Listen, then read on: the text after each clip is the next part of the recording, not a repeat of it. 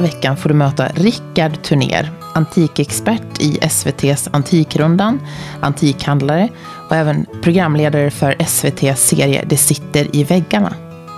Hur hittar han sina unika föremål och hur inreder man när man har både småbarn och antikviteter?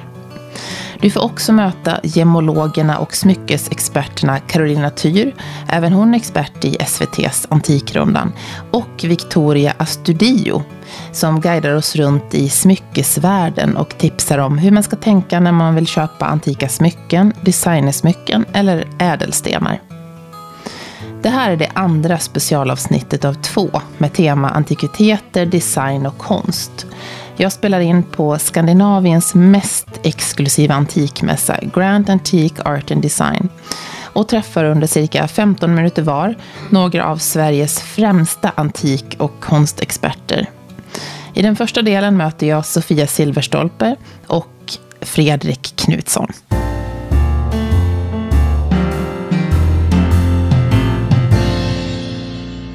Nu har eh, Rickard Turner kommit ner hit i källaren på Liljevalchs, där vi spelar in långt från alla besökare och sålet som, som stör lite i ett poddavsnitt. Välkommen hit. Tack så väldigt mycket. F för många som lyssnar kan ju faktiskt ha sett dig i din nya roll som programledare nu. Ja, det är mycket möjligt. Vi har ju nästan en miljon tittare varje vecka, så det är ju fantastiskt. Wow! Måste jag säga. Ja. Du kan nu titulera dig Det sitter i väggarna programledare tillsammans med Erika Åberg som har varit gäst här i den här podden också tidigare. Mm. Du är antikhandlare ja. och, och, expert i Antikrundan. Precis. Nu har jag tre jobb. Nu känns det som att det räcker med... Jag kan nog inte ta ett fjärde jobb tror jag, för det, då, då spricker kalendern totalt. Ja, och din familj sparkar ja, akut. Precis. Ja. ja. Jag hade med mig min 13-åring här i, i förrgår. Och då fastnade hon, när hon kom till din monter så var det som att hon drogs dit till ett par kandelabrar i ampirstil.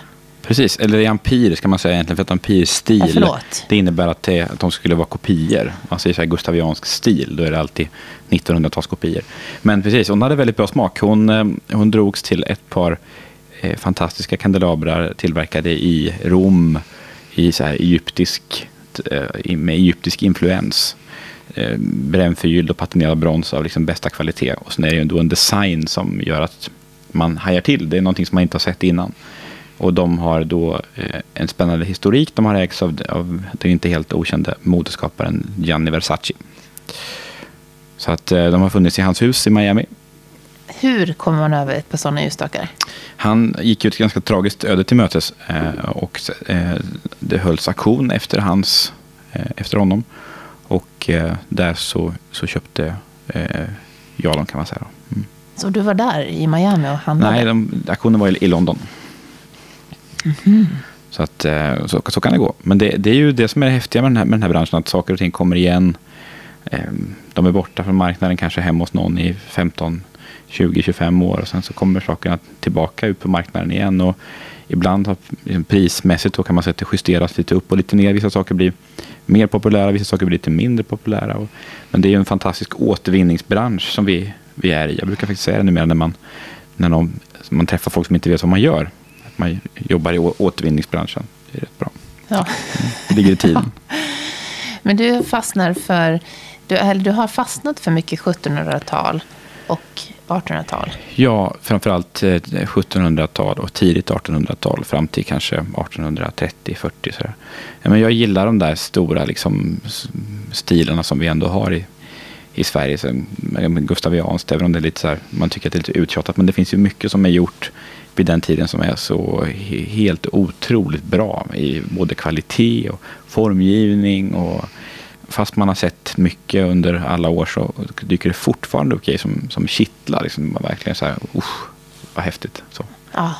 Och då är det ofta någonting man, man går igång på som är kanske ett skick, eh, en modell man inte har sett tidigare. Så. Mm. Är det ofta så att man får tillbaka sakerna som man har sålt? Kommer mm, det de... händer eh, faktiskt eh, titt som tätt. hände senast igår. Att jag eh, sålde en sak härifrån utställningen på Liljevalchs. Och då ersatte den en sak som jag hade sålt för fem, sex, sju år sedan.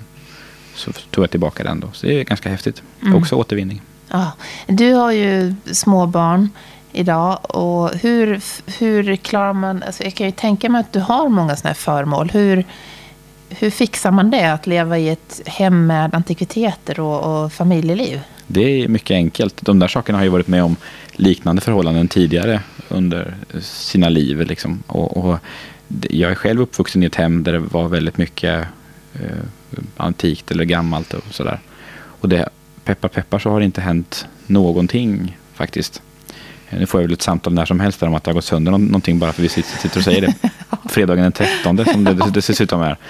Eh, nej men eh, det går bra. Man, klart man får vara lite, man behöver inte ha kriter liggandes framme eh, på, på, i ett rum där det finns någon originalmålad byrå och sånt. Utan man, kan ju vara lite, man får kanske vara lite försiktig med, med eh, så att det inte blir helt frispelt. Liksom. Men eh, sakerna har ju klarat mycket. Eh, de, har bra kvalitet det mesta går att laga om det skulle hända någonting sådär. För att, men, men eh, visst, man behöver inte ha en sån här gralvas, eh, Orrefors eh, fram, framme på en liten, liten låg pedestal när man har en ett och ett halvt åring som är, är överallt. Det är ju dumt. Det är dumt. Det, är dumt. det låter dumt. Ja.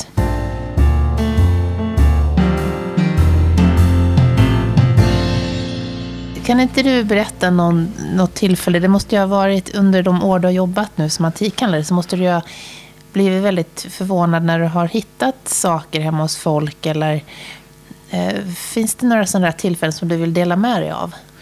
Det, jag, det finns någon sån där, en dag i, i mitt liv som var väldigt fin när vi var och spelade in Antikrundan i Falun för några år sedan. Mina hemtrakter. Ja, mm. precis. Väldigt, eh, väldigt fint på alla sätt och vis. Men när man kommer lite norrut i landet så blir det mer och mer målade möbler, lite mera folkkonst. Eh, och det är inte mitt område, även om jag uppskattar det mycket. Så eh, tänkte jag att den här dagen inte blir sådär kanske för, för mig riktigt. Och sen så kommer det en, eh, en kvinna i kön och har med sig en fantastisk stol med en fantastisk historia. Det är en rokokostol som, med, som är tillverkad i Stockholm efter, efter fransk förebild. Och jag har aldrig sett den, den modellen tidigare. Det är en helt ny, ny, ny sak liksom, som man inte har sett, sett förut. Och hon vet inte hon har en felaktig historik. Alltså hon, man, hon tror att den används till att hissa en, en amiral upp och ner på en, på en båt, vilket har varit helt o, orimligt. stackars amiral och stackars stol och så. så det var säkert kanske stått, haft någon militär koppling senaste hundra åren. Den har stått någonstans. Men fantastisk stol, värd 125 000 och hon tycker att det är så fantastiskt att få höra vad det egentligen är för någonting. Och hon liksom blir, tappade liksom helt och visar att hon är ledsen, eller glad, ledsen, och tänker på sin pappa och sådär. Det var jättefint verkligen. Och sen det är sällan det blir så att man verkligen får till både historia och saken ska vara någonting som man brinner för. Men där var det så. Så gick jag och hämtade en kopp kaffe efteråt och tänkte så här, det där var ju ändå liksom min dag. Det var ju väldigt bra. Och då när jag kommer tillbaka till mitt, mitt bord där så sitter det en, ytterligare en kvinna med en blå eh, kasse från ett känt möbelvaruhus. Eh, och eh, i den så har hon då en fantastisk liksom, porfyrurna som är ett material som jag brinner mycket för också. Var den från Älvdalen? Ja, precis. Och en sån där sak som jag... Jag visste att det, att det fanns en urna hemma hos någon privatperson i Falutrakten som var, som var väldigt fin. Det hade jag hört av någon. Sådär. Men och så, precis så satt hon där med den där urnan och den var köpt i Stockholm på Spak hette det som var en sån här utförsäljnings eh, second hand-affär kan man säga på 60-talet. Och hon hade kvittot med sig. Hennes föräldrar hade köpt den där urnan för 300 kronor och sånt där. Och eh, hon visste, hon trodde den var värd 10 000 och det, den värderade jag till 150 000 då, Oj. vilket var 5-6 år sedan och det är alldeles för lågt idag. Den skulle kanske kosta 300 000 idag. Och den var helt fantastisk. Och hon, den här kvinnan som äger den här urnan var en underbar personlighet.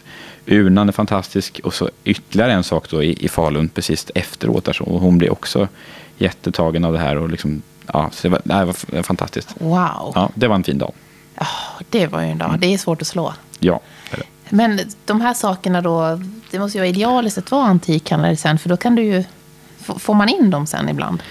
Det får, när vi jobbar med antikrund får man inte hantera de sakerna som vi har, har vi, som vi haft under, under inspelning får vi inte hantera i våra, i våra aj, aj. professionella liv. Så det tycker jag är, ganska, en ganska bra regel för att vi är ju ändå ute för, för liksom SVTs räkning och, och värderar saker och då ska vi inte blanda ihop det med något annat utan det är man väldigt noga med. Mm. Så att, den får jag inte hantera men, men visst, andra saker får man ju chansen att hantera naturligtvis. Det är ju det är ju både en förbannelse att hålla på med fina saker för man vill ju helst inte sälja det fast man kanske måste. Ehm, så det är, det är, att sälja någonting är väldigt tudelat ofta. Ja, blir det så att du köper in väldigt mycket som du testar liksom och ser, alltså som du testar hemma då? Ja, jag köper ju sånt som jag själv tycker mycket om. Så jag köper ingenting som jag vet att det går att sälja vidare utan jag köper sånt som jag liksom verkligen gillar. Och så, och, så jag tänker ofta att om, jag inte, om ingen annan vill ha det här så, så är jag nöjd med det själv. Så att jag gillar det. Men så kan man inte ha allt hemma. Liksom. Det går ju inte. Det blir väldigt mycket ljusstakar och kandelabrar. Mm. Hur, hur säker måste du vara innan du köper någonting? Måste du, alltså, du liksom med proveniens och chansar du ibland? Ja, det är klart man gör det. Ibland har man inte så mycket tid för att eh, undersöka en sak. Och man tycker att det känns rätt ändå någonstans i, att det kan, verkar stämma och sådär. Ibland kan det vara lite grann med, med skick och sådär kan ju vara ganska svårt att bedöma på kort tid. Så ibland måste man ha lite mer tid på sig för att undersöka ett föremål. Det har man inte alltid. Och då kan det bli väldigt tokigt. Så, så är det verkligen. Och nu eh, så har jag sett någonting då på, som jag eventuellt ska vara med och försöka köpa här i helgen och bjuda på som är utomlands, då, en svensk sak. Och då, mm, då är det ju jättesvårt. Den är långt bort i en annan del av världen. Liksom, och så ska man försöka få bättre bilder och se hur det ser ut. Och så här. Det är ju rena chanstagningar. Men jag köper ganska mycket svenska saker utomlands och försöker att få hem dem igen. Då. Så det har ju försvunnit mycket när folk har flyttat till New York, och Paris och London och sådär på kanske 60-70-talet har man tagit med sig hela bohaget. Och så säljs det på plats då och så dyker det upp på små konstiga ställen. Sådär. Mm. Åker du ut i världen också och kollar ja, då ibland? Ja, ja. Mm. Det måste ju vara häftigt. Ja, det är häftigt. Absolut. Jo, men det är häftigt. Mm. Men är det, vad säger du absolut nej till? Att det här, har du liksom blivit... Är du tydlig med gränsdragningen? Med hur tänker du? Nej, nej vad du ska säga, vad du säljer. Ja, det är men alltså jag vill sälja sånt som är så, så, så bra så, i kondition och så som det, som det går, går att hitta. Jag tycker det är jätteviktigt. Och, och eh, nej, men sånt som jag själv... Alltså jag, man kan inte sälja någonting som man inte gillar. Det, det, det tror jag kunden märker väldigt mycket. Kommer man till en, till en, eh, ska köpa en bil och så märker man att eh, säljaren egentligen inte tycker om bilar, liksom, då, då är det ingen bra, ingen bra början. Men det har ju många återkommande kunder som är väldigt trogna och lojala och tycker att jag har då uppenbarligen någon slags smak för det, detta. Ja. Mm. Kan man också säga att ja, nu vill jag ha en eh, en sån här möbel? Att du gör inköpsuppdrag också? Det händer, men det är väldigt sällan det lyckas. Av anledningen har jag konstaterat att vet, man säger så här, vi ska ha ett matbord och så försöker jag förevisa ett matbord och då är det antingen för stort, eller för litet, eller för runt, eller för ovalt, eller för högt eller för lågt. Eller, det finns tusen saker. Va? Ofta är det stundens ingivelse och tillfällighet som gör att, att man slår till på någonting. Det gäller även om jag ska köpa någonting till mig själv, liksom, så där man, då är det ofta liksom humör, stämning, tillfällighet, någonting har hänt, man känner sig uppåt eller neråt eller om man nu behöver trösta sig med något kanske. Ja. Och så. Om man får, avslutningsvis, om, man, om du ska ge tips till en yngre person som står i begrepp att köpa som en, en antikvitet som, som ska följa med genom livet, som också ska vara som en typ av investering. Vad rekommenderar du då? Då rekommenderar jag att köpa... Du får inte säga kandelabrarna från... Nej, just det. Precis. Nej, men de, de, de, de rekommenderar jag eh, på alla sätt och vis. Men, då, men, men jag eh, rekommenderar att hålla utkik efter möbler från 1800-talets slut. Eh, där gjordes det ju då eh, nystilar, alltså sån här renässansstil och, och barockstil och eh, nyrenässans som är ju fantastisk kvalitet på de där sakerna. Och de kostar ju nästan ingenting. Och den, de sakerna tror jag kommer att kanske inte dra iväg prismässigt något enormt, men jag tror att det, det, är, det är otroligt bra möbler. Och 1800-talets slut, om man ändå en, hade man ett ganska modernt samhälle. Det är ändå möbler som vi kan ha användning av idag. En hallbyrå eller stolar till matsalsbord och sådär. Och en sån där stol som jag gjorde i valnöt, som vi får se jättemånga i Antikrundan varje dag, kostar 50 kronor, 100 kronor och det får man ju ingen, ingen stol för Nej. någonstans. Och de är superkvalitet, snygga eh, ja, och tål att användas i 100 år till minst. Så, så det tror jag. Och jag, jag har faktiskt fått några bilder från några kompisar. Bland annat en fotograf som jag jobbar med i ett av tv-programmen som är en ung kille som, som går mycket på så här auktioner och loppisar och sådär. Och, och han hade köpt någon sån grej som de tyckte var superfin. Hur kan det vara så billigt? Så, så jag tror att det finns nog en... Det kan nog komma. Kul. Mm. Tack. Vilket bra tips. Och tack snälla Rickard för att du kom ner hit. Nu får du gå upp och, och fortsätta showen, höll jag på att säga. Tack. Show must go on.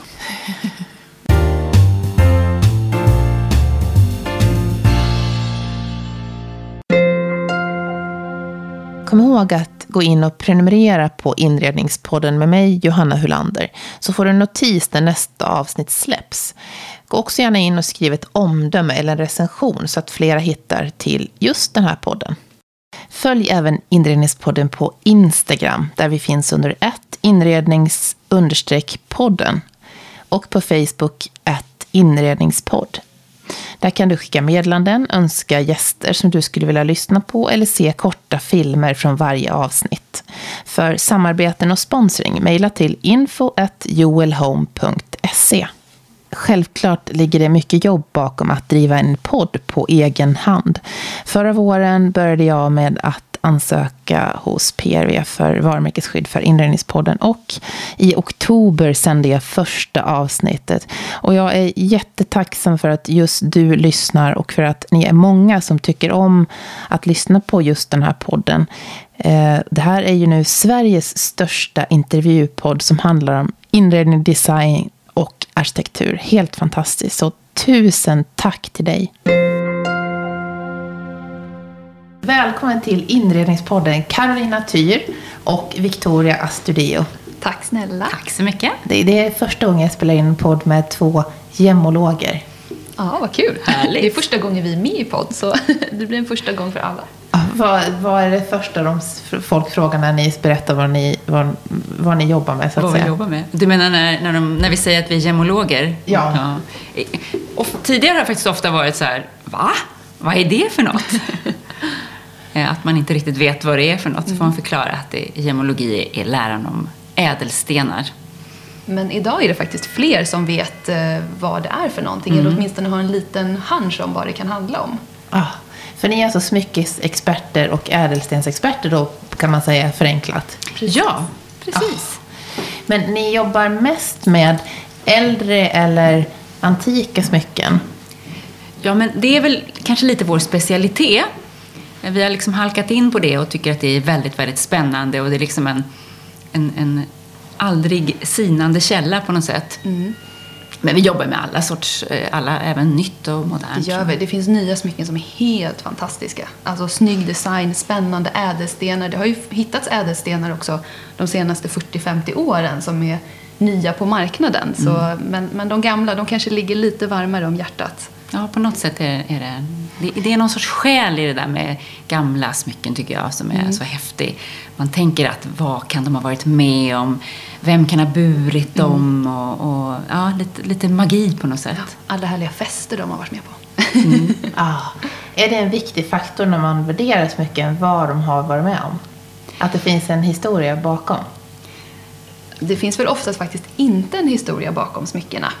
Eh, ja, vi, vi, har pratat ganska ofta om det där, varför det är på det sättet. Men smycken är så otroligt, otroligt personligt. Och den dagen som man kanske faktiskt måste göra sig av med någonting av olika skäl, då gör det nog lite extra ont i hjärtat. Och det är inte alla som faktiskt vill lämna ut historien eller ja, proveniensen då faktiskt, som man ofta pratar om när man pratar om antika föremål.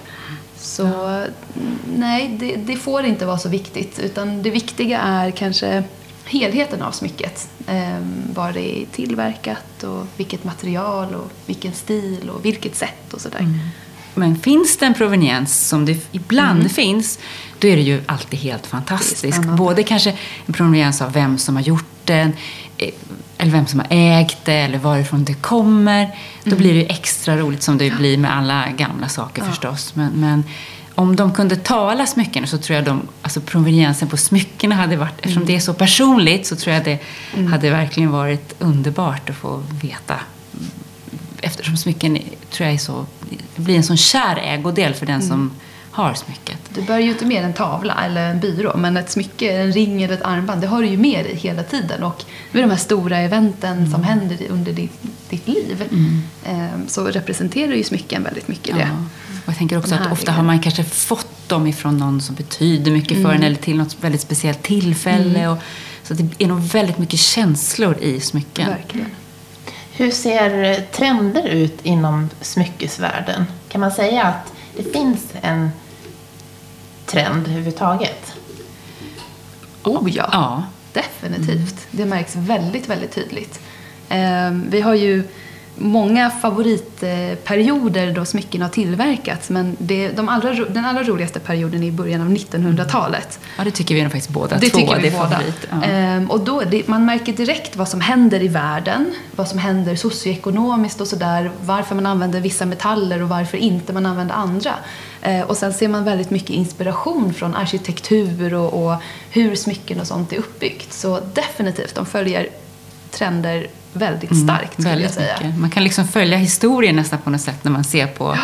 på smycken. Och vad som är vad som är trendigt just nu när det gäller, om man, säger, om man pratar om de äldre smyckena, så tycker jag det är dels de smyckena som är på 20-30-talet, på den tiden som vi kallar för RDK. Det känns som det är väldigt mm. många som frågar efter. Och sen faktiskt även smycken från 40-talet har börjat ja. komma tillbaks och 60-70-talet. Lite retro, ja, vintage. Som tidigare ja. var väldigt svårt tror jag att sälja lite mm. dött sådär, men det har kommit tillbaka nu. Allt går igen, ja. allt går i cykler. Vad är det som inte efterfrågas nu då? Om man tänker man har de här Bismarck, guld Bismarck-länkar och sånt mm. belocker och sånt. Det känns väl inte sådär... De, de kanske inte efterfrågas i rent eh, trendsyfte men däremot så kanske man efterfrågar det om man till exempel har blivit av med ett Bismarck-smycke och man vet att man kanske har fått ärva det från mamma, mormor eller någonting sånt och man faktiskt vill ha det kvar i sitt smyckeskrin av den emotionella och affektionssidan av det hela. Men, men som trend kanske inte Bismarck är just idag. Det, det trendigaste på och, smyckeshimlen. Nej. Och där har det kommit så många olika länkar också. Eh, jag tänker att förr kanske det inte fanns så många olika sorts länkar att välja mm. på. Så det var ju Bismarck en given favorit. Men mm. nu när det finns så mycket andra att välja på, då kanske Bismarck Ja, det, det, känns kanske lite gammalmodigt om man tittar på annat istället.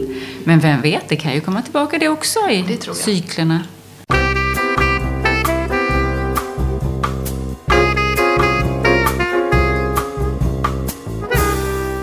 Tänker på um, när det gäller ädelstenar. Hur, hur ser efterfrågan ut där när det gäller stenar? Då tänker jag att eftersom det har kommit så mycket olika behandlingsmetoder nu och konstgjorda stenar och sånt så tycker jag att jag märker att folk söker efter det som är äkta, det som är naturligt. Att det blir det som blir mm. häftigt att ha. Eh, till exempel färgstenar, sådana som har inte blivit behandlade för att få färgen att se lite bättre ut till exempel. Det är sånt som folk söker. Ja, för folk strävar väl alltid efter att ha det där som ingen annan har. Mm. Och, och, just när det kommer till ädelstenar och, och som, som är naturliga då, um, då, då ja, det, det, finns ju bara en, ett visst antal av dem. Um, så, så det är klart att det är det som man helst av allt önskar. Mm. Inte vad som Märker ni av någon, jag tänker på diamanter, har man ju hört just hur de bryts och att det finns att den inte alltid så, att den är ganska smutsig emellanåt, mm. diamanthandeln. Mm. Eh, är det någonting som ni märker, att man söker efter mer miljöcertifierade stenar eller har det inte slagit in än? Jag skulle säga att vi har kollegor, IMO-kollegor som eh, satsar på att eh, till exempel sälja diamanter eller andra färgstenar också som är mm. till exempel etiska. Man, man har gått in på det och, och ser till att man tar Eh, ädelstenar som bara kommer från ställen där man kan följa hela processen. Och, och till exempel, vi har ju en kollega som jobbar mycket med stenar som kommer från små producenter, kanske ofta kvinnokollektiv och sådär. Eh, sånt tror jag kanske kan komma ännu mer nu, men man måste bara hitta de här så man vet vilka ställen man, man kan handla ifrån. Men sen tänker jag, vi som håller på med äldre smycken, där är det ju verkligen så att man man kan tänka på det här återvinningstänket. Och man kan, eh, om det gäller diamanter, att man har diamanter som har funnits i gamla smycken. Det är ju sånt som har, som, som har återvunnits många gånger och många generationer. Mm. Och det är ju en fin tanke att man kan välja det. Man måste inte välja sånt som är nyligen. Sen, men sen har det, det har ju verkligen satts mycket fokus på det här med, mm. med eh, om man tänker på det här med blodsdiamanter och så. Så jag tror att alla diamantproducenter idag är väldigt, väldigt medvetna om det. Det finns ju vissa lagar och sådär som måste följas såklart i, i hela den här produktionsserien. Eh, men, men såklart, det, det, finns alltid en, en smutsig baksida. Det finns det väl i nästan alla industrier av något slag. Så även diamantindustrin, mm. eller ädelstensindustrin, är, har det.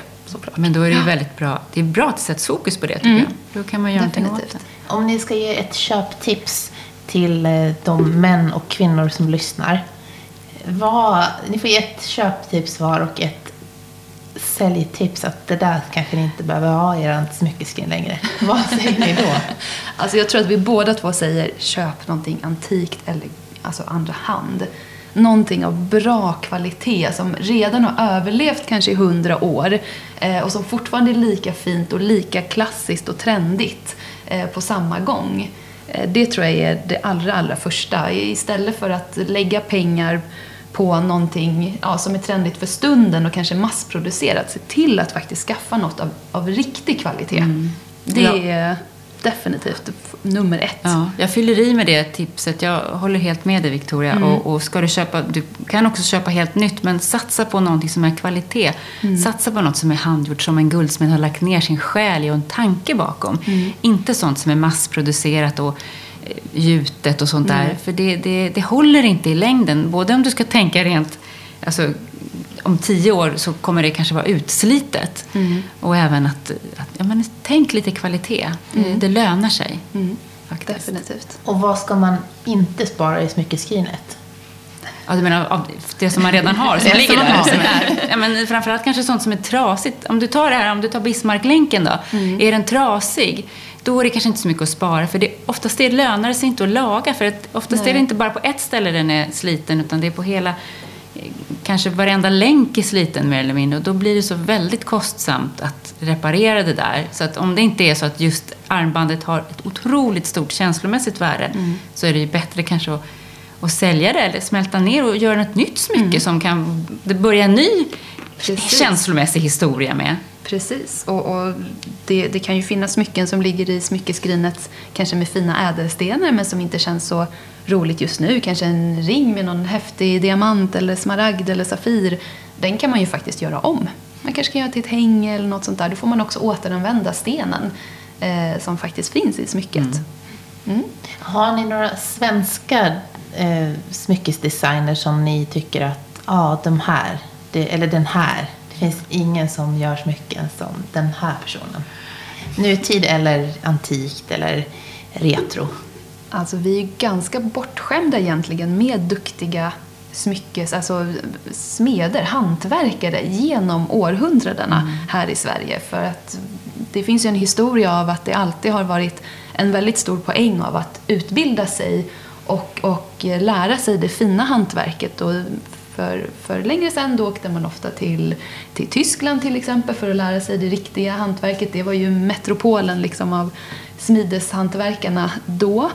Um, och, och, även idag märker man att det ligger fortfarande stor kvalitet vid utbildningarna av, av guldsmeder och, och stenfattare och så. Mm. Uh, men välja en, jag vet inte om jag kan göra Nej, det. Jag också, säger också det, det är svårt att men, välja en. Men... Det finns en som jag tycker lite extra mycket om och det är faktiskt Karlman. En 1900-tals eh, eh, guldsmed, Karl Fredrik Karlman till och med. Han hade en butik nere på Biblioteksgatan i centrala Stockholm ett tag. Eh, och de smyckena från, ja det är allt från 30, runt 30-tal och framåt. De har sån kvalitet fortfarande idag. Och håller den här liksom klassiska mm. stilkänslan mm. men funkar fortfarande. Eh, det, det, är nog en av mina mm, favoriter. favoriter. Rent hantverksmässigt är wow. Och det finns många. Och Bolin naturligtvis också. Ja, Bolin. Fantastisk. Verkligen. Smed ända sedan mm. 1700-talet i, i Sankt Petersburg. Men, men jag säger också att även idag, även moderna, det är svårt att säga än, men det finns faktiskt vi som har mycket kollegor och vänner i branschen, det finns många riktigt duktiga smeder. Mm. Och jag mm. tycker att som alla har sitt uttryck. Och jag tycker det viktiga är just att, de, att det är, de, att man kan nästan se guldsmeden som en konstnär också. Att man har mm. också en känsla bakom det smycket man gör. Mm. Och den känslan får liksom fortsätta till nya ägaren av smycket. Så design är en viktig faktor mm. i smyckesvärlden också? Mm, Absolut. Tusen tack för att ni var med. Tack, tack så mycket, vad roligt att få vara med.